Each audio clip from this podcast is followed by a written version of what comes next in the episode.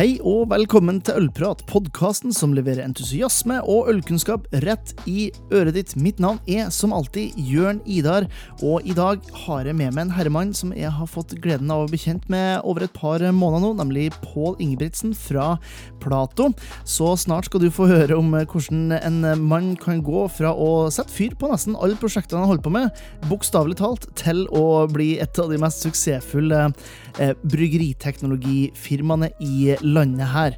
Men før vi gjør det, så må jeg jo faktisk gi en stor, stor tusen takk til alle som følger denne podkasten på Patrion. Støtte den med en, en, liten krone eller fem hver måned. Holder det her øltoget i gang og sørger for at det blir enda mer god ølprat utover høsten. Så tusen takk til dere som følger. Og hvis du har lyst til å bidra litt, det håper du har lyst til, det er rett og slett bare å gå inn på patreon.com slash ollprat. Så kan du skrive det opp der, og så kan du få litt eksklusiv innsikt i min hverdag, eksklusiv podkastepisoder, eh, ja, mer til, eh, rett og slett. Eh, link i shownotesen òg. Men nå er det nok snakk. Det er på tide å fylle kaffekoppen, eventuelt glasset, med noe høyt skummende, og lene deg tilbake for denne episoden av Ølprat. Da ønsker vi velkommen til Ølprat, en ja, en, en utdanna kokk, sånn som jeg har forstått det. i hvert fall Mye erfaring fra kjøkkenet, men holder på med noe som er helt, helt annerledes uh, nå. Eh, Pål Ingebrigtsen, velkommen til Ølprat. Jo, takk skal du ha. Ja. Um, og du, du, er jo en av de eh, som starta Plato, som er et ja. eh, fermenteringsteknologifirma. Yes. Eh, men jeg tenker, før vi på en måte går dit og, og får en forklaring på hva det er Eh, så jeg har ikke helt feil i det at du, du har jobba som, som kokk en del? Jeg har jobba som kokk. Eh, jeg er riktignok ikke utdanna, eh, men, men jobba som kokk i mange år. Egentlig ved mm. siden av studiene. Jeg fant ut at det var en helt perfekt jobb. Da kunne jeg jobbe så mye jeg ville i helgene. Mm. Og, og, lage så mye mat jeg ville. Så det, det, var, det, det var, var, gøy. Ja, ikke sant? Ja. Eh, men, men hva, hva, er på en måte grunnutdannelsen? Hvor, hvor, kommer du fra sånn egentlig? Du som menneske? Ja, som, som menneske altså, som, som, menneske så har jeg vært veldig opptatt av å lage ting hele livet. Og det, det har blitt en besettelse. Altså. Det har gått for langt. Og sånn hvis jeg skulle ha, en kniv til å kutte ting Men nei, nei, jeg må lage kniven sjøl. Jeg kan ikke kutte før jeg har lagd kniven. Så noen ganger så er det veldig destruktivt. Altså, man, det kommer jo kanskje litt i veien for å få starta med ting? Kanskje? Ja, ikke sant Og En gang så jeg, fant jeg ut at jeg skulle ha vin, en vinkjøler. Og da ble jeg må lage den sjøl. Men det ble jo en, en brannfelle uten like. Så jeg måtte jo stoppe det, stoppe det, prosjektet. Så nei, men litt tilbake på, på, Nei, så det var helt naturlig for meg å gå en litt sånn teknisk rolle. Mm. Begynte på Blindern i Oslo og fortsatte på, ute i Ås på, på ingeniør. Mm. Um, og tilbake til å lage ting. Øl har jo også vært noe jeg har lagd ja. hele livet. Så, det, var, det, var, veldig naturlig å, ta en utdannelse med der man måtte, også måtte lage ting. Mm. Ja. Vet du sånn, hvor kommer den, den, den uh, skapertrangen fra? Vet du er det bare ble det sånn, eller har du en onkel eller en, noen som har liksom vært eh, pådriver på sånt? Ja, jeg har jo en, en, altså en farfar. da Han er jo glassmester og alltid lagd alle ting sjøl. Mm. Jeg tenker vel det som jeg syns var veldig interessant uh, av det han, har, han har fortalt, under krigen så hadde man jo ingenting. Nei. Så det var jo sånn Hvis, hvis du hadde lyst på vin, da lagde du det sjøl. Ja. Og, og, og altså, han sa at under krigen så hadde de jo ikke De fantes nesten ikke fett. Hvis du ville steke Nei. noe, så måtte du steke det i tran. Ja. Det var den mest tilgjengelige oljen man hadde. Så, så Nei, jeg sånn, ok ja. og, og han var jo selvfølgelig Jeg vokste opp med han, jeg husker han lagde en liten En batch med hjemmebrent en gang i året. Da, da var jeg liten, så jeg fikk jo ikke smakt på det. Men, men det var nettopp, nettopp, for å lage uh, kirsebærlikør. Ja. Med kirsebær fra hagen. Så jeg syns alltid det var, var, veldig kult at han holdt på med det. Mm. Ja. Altså, og der er kanskje den interessen litt for, for alkohol kom inn da, kanskje? ja, altså det er nok litt den prosess, uh, prosessen uh, rundt det. Altså sånn Jeg har vært glad i mat og øl og vin og alt mulig. Mm. Jeg har lagd vin òg, men det, noe, det var, ble ikke noe godt. Så det Jeg skal litt mer til uh, for å få det bra. Ja. Ja, ja, ja. ja. Så, Absolutt. men hvordan, eh, så når du er ferdig med, med studien, hvor går måte veien eh, videre for din del? da? Eh, nei, altså Da jeg fullførte studiene, så sto jeg egentlig i et lite veiskille. Eh, enten så gikk jeg ut og da begynte å jobbe som ingeniør, eh, eller det å lage mitt eget selskap. Og, og på den tida så hadde jeg så mange ideer eh, at, at jeg, var- vet du jeg, jeg må lage et selskap. Så, så da, da, da blei det det. Ja. Men jeg, jeg, jeg skjønte jo veldig fort at, at eh, jeg var jo en ganske elendig eh, ingeniør Ja. ut av studiet. Jeg, jeg kunne jo ingenting. Og så, så de første ideene og første tankene, det, det funka ikke. Så, så eh, da måtte jeg ut og finne en kompanjong. Ja? Ja, hva, hva, hva var de ideene som ikke funka? Det er litt morsomt å høre Ja, om. nei, det, altså jeg jobbet, En av de første ideene var faktisk en sånn sovidmaskin. En sånn liten nett sovidmaskin som ikke kosta 10 000. Eh, men den var også brannfarlig, så jeg måtte Ja. stoppe det prosjektet. Gjennomgående tema. ja, ja, ja. um, og så blei det egentlig mer fokus på Jeg lagde også noe, noe sånn destilleringsmaskin, men, men den var jo også brannfarlig, for den slapp jo ut sånn gass. Så eksplosiv gass. Så gikk jeg over til eh, kjø, et kjøleprosjekt for kunne, hjemmebryggerne for at de kunne lage pils. Um, og det var der jeg på en måte skjønte at jeg ikke var i posisjon til å til å bygge produktet på en måte at det kunne masseproduseres. Nei, ikke sant? Det var da jeg fikk en eh, co-founder, Michael uh, Mm. Ja. Eh, eh, og, og da starta dere Plato. ja Eh, eh, hvordan fant du han, egentlig? Nei, det, det er også ganske, ganske interessant. Eh, Han eh, Jeg delte en liten, eh, et lite notat på Facebook. eh, En gruppe som heter eh, New to Oslo. Og da, da fortalte jeg litt om dette at jeg ja, en liten ingeniør som har noen ideer og, og slikt. Og jeg leta da etter en som kunne industrielt design, um, gjerne produksjon. Og da svarte Michael. Og etter, dagen etter så møttes vi. Ja. Og og begynte rett og slett bare å jobbe. Han satt og jobba med, med design, og jeg satt på elektronikk. Og så, ja, Og sånn, sånn starta det. Det var det. Ja. Ja. Det er litt fint å få noen som ikke setter fyr på ting også. Ja, ja, ja. inn, i, inn i miksen. Veldig, veldig lurt. Ja. Eh, og, og dere starta Plato, og det her var i Det var tilbake i 2016. Ja. Eh, Og dere starta å jobbe, men, men hvilke, i- hvilke idé, hvilket sånn utgangspunkt hadde dere? For måte, Vi skal komme fram til hva, hva dere er i dag, men eh, det er jo litt interessant å, å høre eh, hvor det starta. Og vi begynte da faktisk å jobbe på dette kjøleprosjektet.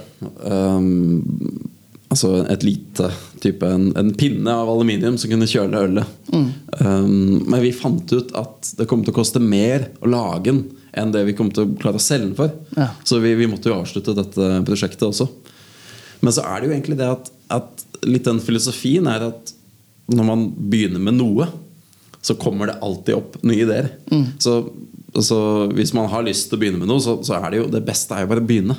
Og så vil man egentlig skjønne ganske fort at dette er en jævla dårlig idé. Ja. uh, og det skjedde for oss. Eh, men underveis i den prosessen med dette kjøleprosjektet, så kommer jo ideen til eh, Plato i dag opp. Ja. Eh, og, og hvis du skal forklare liksom, For starten er jo, eh, er jo For å få en bedre kontroll på, på fermentering, rett og slett. Hva, eh, men men hva, er det, hva er det Platon gjør sånn, sånn egentlig? Hva er det en, en Plato hjelper en hjemmebrygger med? Ja, så jeg kan jo gå litt tilbake. Um, på, den, på det tidspunktet så hadde jo jeg også gjort en del hjemmebrygging. Eh, lagd dårlig vin, som sagt, og slikt. Og jeg kjente jo til dette måte, sorte hullet kalt fermentering. Altså, det, det var alltid en sånn Hva skjer nå med den tanken? Når er den ferdig? Uh, og jeg lurte alltid på dette. Uh, jeg lagde jo ganske mye øl, og, og uh, på den tida så var jeg jo student, og det var jo Ølet ferdig til festen? Altså, ikke sant? viktige spørsmål på den tida. Um, Ganske essensielle spørsmål, ja, ja, ja, det er jo det. Og, og, og det var nettopp der denne, denne ideen kom fra. Så, så vi fant ut, eh, rett og slett ved, ved å gå ut i markedet altså Vi spurte ølbutikker, vi ringte bryggeriene, vi, vi, vi sto på og gjorde en skikkelig undersøkelse, og vi fant ut at dette, dette det var ikke bare oss. Folk ville vite hvordan det gikk med gjæringsprosessen. Eh, både på hjemmebryggebasis, men også på, på profesjonelt nivå. Um, og så valgte vi da å begynne med hjemme, hjemmebryggemarkedet. Mm. Ja, det er jo eh, kanskje et eh, lettere innsalg. Det er en eh, større kundemasse. Det er det. Og altså, det, er, det er jo på en måte det å lage ett produkt til veldig mange mennesker, hvor man sender samme maskin til mange, det, det har jo en, en ganske stor fallhøyde. Fordi eh, industrien eller, eller eh, hjemmebryggeren, det er ikke så veldig de er ikke nådige. altså Hvis det ikke funker, så funker det ikke, og, og da må man fikse det. Ja. Så vi, vi, vi jobba jo lenge med teknologien også. Så for det var jo krevende å utvikle dette. Ja, det kan jeg se for meg. Ja. Ja, for På det tidspunktet så fantes det egentlig ikke noe sånn tilgjengelig for, eh, for hjemmebryggere. på den måten Nei, altså dette var helt i startfasen av den type teknologi. Det hadde vært noen tidligere eh, produkter, men, men vi var en av de første som kom da, med Plato Airlock. Ja. Ja. Og, og sånn eh, kjapt beskrevet, hvordan, eh, hvordan vil du beskrive Airlock, altså den som brukes av, av hjemmebryggere? Den benytter et konsept um, rett og slett ved å måle CO2, altså hvor mye CO2 som kommer ut av tanken. Uh, og det, det var jo veldig mye omdiskutert uh, om dette i det hele tatt var mulig. Men, men uh, det er jo en ren sånn kjemisk, støkumetrisk eh, sammenheng mellom mengde CO2 og mengde sukker som er spist. Så Ja. hvis du vet hvor mye CO2 som har kommet ut av tanken, jo da vet du også hvor mye sukker som har blitt spist opp. Og da vet du hvor langt gjerningen er på vei. Ja? Men, men dette det krever jo at man kan måle all CO2-en som kommer ut. Um, og under den antakelsen så utviklet vi Plato Airlock. Ja. Så den, den, den er, det er rett og slett et flowmeter som vet hvor mye CO2 som har forlatt tanken. Mm. Hvor, eh, hvor finner man den, altså den teknologien dere bruker der, hvor finner man den ellers i verden? Den brukes i veldig mange industrier. Og Hvor fikk dere den for å bruke den eh, metoden? det var Den ideen kom som et, et uh, Altså en lyspære over huet mitt. Ja. Bare helt sånn Plutselig Jeg satt der, jeg husker dagen, og det kom til meg. Og jeg trodde jeg hadde funnet opp denne teknologien. Altså jeg var sånn Wow! Paul, du er smart! Men uh, ett Google-søk, og jeg så jo at dette var jo tenkt på tilbake på 40-tallet. Det. Det var jo ikke noe nytt. Så det, som, som det meste annet. Um, og da, da fant vi egentlig masse artikler, eh, forskningsartikler på dette. Vi så at det ble brukt i, i, i lab-sammenheng.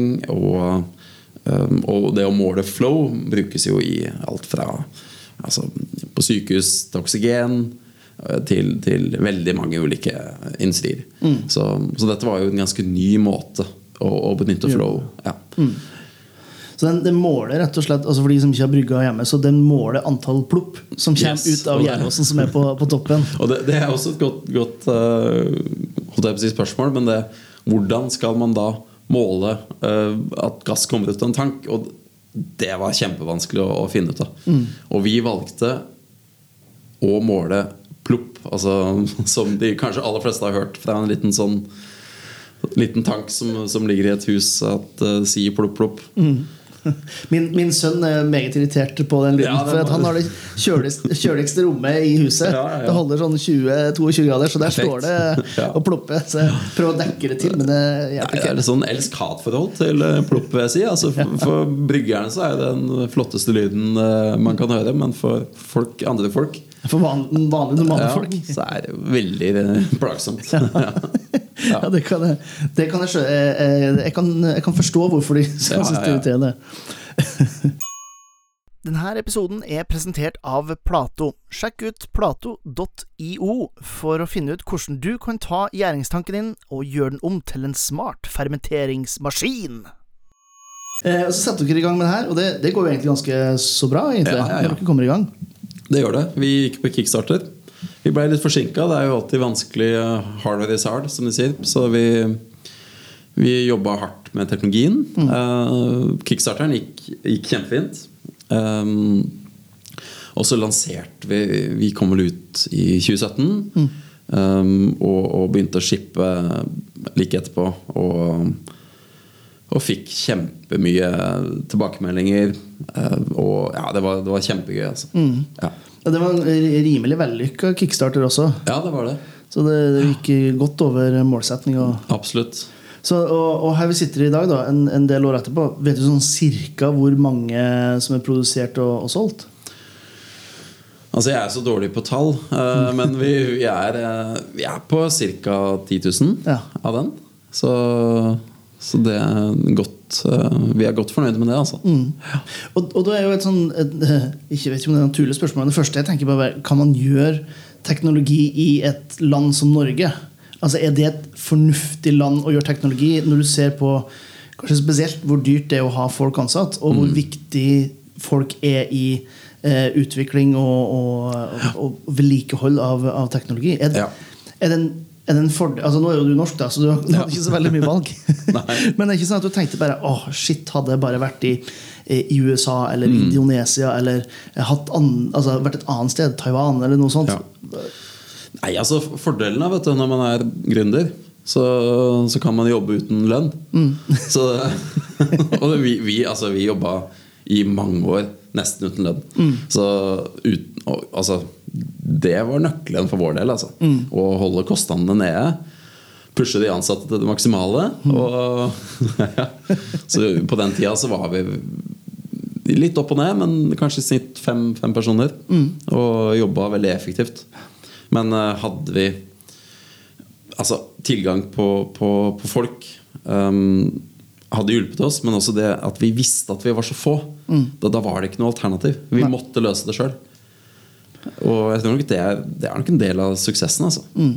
Vi er på en måte tvunget til å finne løsninger. Nettopp. Og når man da er på plass hos, hos produsenten, så, så er det sånn Ja, nå har jeg to dager. Ja. Det, det må løses. Ikke sant? Ja, så det, Det er ikke noe valg. Nei, det er ikke noe valg. Eh, og så Dere kjører det her, og så eh, kommer dere med produkt nummer to. Ja. Eh, som er vel eh, eh, kort fortalt en litt avansert eh, vekt. Er ikke Yes. det rett måte å, å, å tenke på den på? Ja. Så på eh, Altså, vi hadde jo Platerlock ute. Og det var jo ganske naturlig for oss å komme med, med et oppfølgende eh, en del av porteføljen.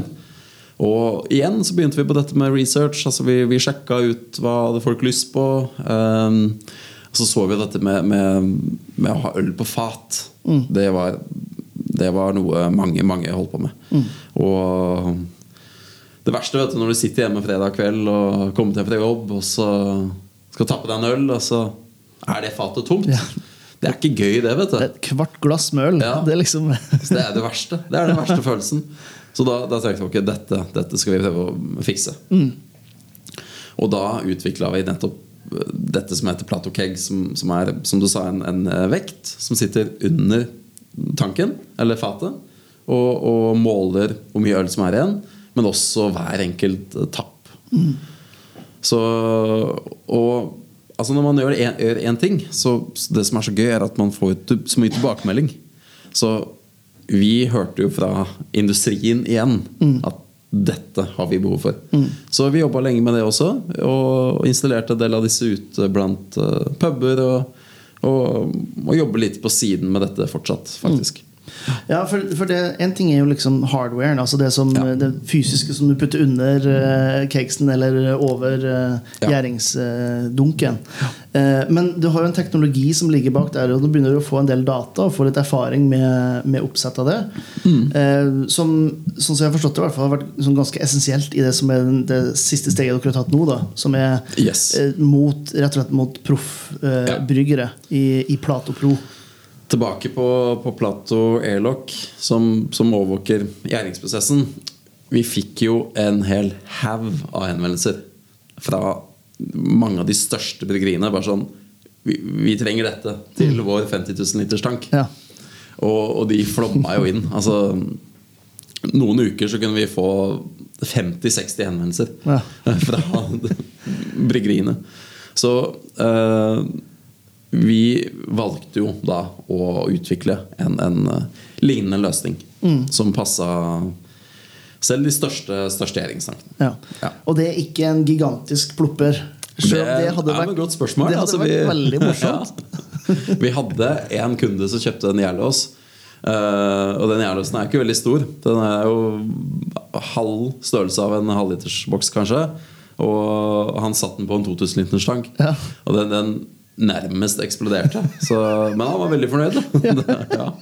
ja. fikk kjørt det, rett og slett. ja, nettopp. Så vi, vi, måtte finne på noe annet. Så nei, altså vi, vi benytter et litt annet konsept. Uh, vi så at industrien hadde et annet behov for nøyaktighet.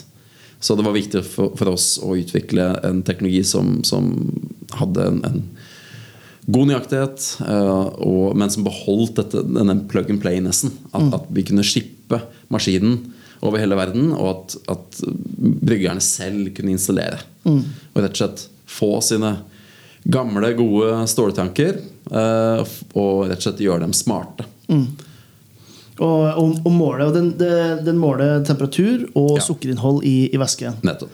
Eh, og for å beskrive dem for de som lytter, så er det litt sånn eh, Det er en lang pinne Ja. med, med to durter på enden som ser ut som en slags gaffel. Yes. Eh, og, og jeg ble litt sånn overraska, for jeg spurte det jo før vi satte i gang her hvor kommer måte den teknologien fra. Mm. For at, eh, Nå sier du at du, du fant jo opp eh, den, Ja. den ene teknologien, men her den, den fant dere ut at det var noen andre som har funnet opp. Ja, ja, ja. Nei, altså, det går jo alltid den veien. Så vi, eh, vi, vi fant jo også ut at lignende teknologi har jo også blitt benytta i industrien i, i lang, lang tid. Eh, og da typisk for å måle olje i båter og, og kjølevæske i, i skip. Altså, ja. Men vi, vi eh, rett og slett utvikla denne teknologien for, for gjæring. Og ser at den er en av de, de beste, beste alternativene for det. Mm. Og den, den bruker da vibrasjon Ja, i, i, i det. Eh, Hvordan bruker den vibrasjon for å måle hvor mye sukker det er i en væske? Mm. Så i en gjæringsprosess så vil jo på en måte, måte den tykke sukkermassen, eller, eller væsken, som er veldig Den er full av, full av sukker. Dette sukkeret blir jo gjort om til alkohol og CO2. Så et, etter hvert så blir denne, denne væsken blir jo lettere og lettere og, og mindre og mindre til sukker. Så denne teknologien som vi har, den Jo mindre sukker det blir i løsningen, jo, jo høyere blir frekvensen på, den, på vibrasjonen. Fordi den rett og slett kan vibrere enklere i løsningen. Jo mindre sukker det er. Uh, og vi måler den frekvensen, og da kan vi vite hvor mye sukker det er igjen. Ja. Ja, det blir jo, eh, så det blir jo sånn å Hvis man tar hånda si fram og tilbake i lufta, Ja. og så putter den under vann, Nettopp. så er det Du gjør samme bevegelsen, Det men men det er ganske stor forskjell på hvor tungt det er. Så Yes. det er på en måte det samme. Den, den Samme, samme prinsipp. Mm. Ja. Eh, og det her er noe dere har begynt med. Og i forbindelse med det her så har dere gått fra å være tre, tre ansatte og to slaver da, som, Ja. som startet det, til, å, til å bli et ganske stort, eh, stort firma på ganske kort tid. Absolutt. Eh, fra at du satte fyr på enhver ting som du, som du fant opp, nesten, eh, til nå eh, Kan du oppsummere hvordan en sånn reise har vært, eh, og, og hvor dere er igjen i dag? egentlig? Mm. Så de første åra var vi jo lite team. Jobba beinhardt mot uh, hjemmebryggemarkedet. Kjempegøy eh, og, og intenst. Men vi visste jo hele tida at, at, eh, at vårt ønske var jo å bygge selskapet større. På den tida så var jeg daglig leder. Jeg visste jo også at det, ikke, det var ikke det jeg ville være for alltid. Men, men om, når man er gründer, så, så må man jo gjøre det som, som eh, må til. Og øyeblikket vi eh, kom til det punktet hvor vi var fornøyd med teknologien for de profesjonelle bryggerne, så gikk vi ut og rett og slett fortalte eh, eierne våre og, og, og de som hadde hjulpet oss på reisen, at nå ville vi skalere opp selskapet. Så det, vi begynte da med å erstatte meg eh, som daglig leder. og alle bare på hvordan vil dette opp føles for deg? Jeg var sånn, det er Perfekt, dette er jo det jeg vil. Ja, men egentlig, Pål Jeg var sånn, Nei. Altså, det, dette er det jeg vil. Så jeg måtte, jeg måtte ja, Mye samtaler om det med vennene mine. Og i etterkant også fantastisk eh, riktig avgjørelse. Altså.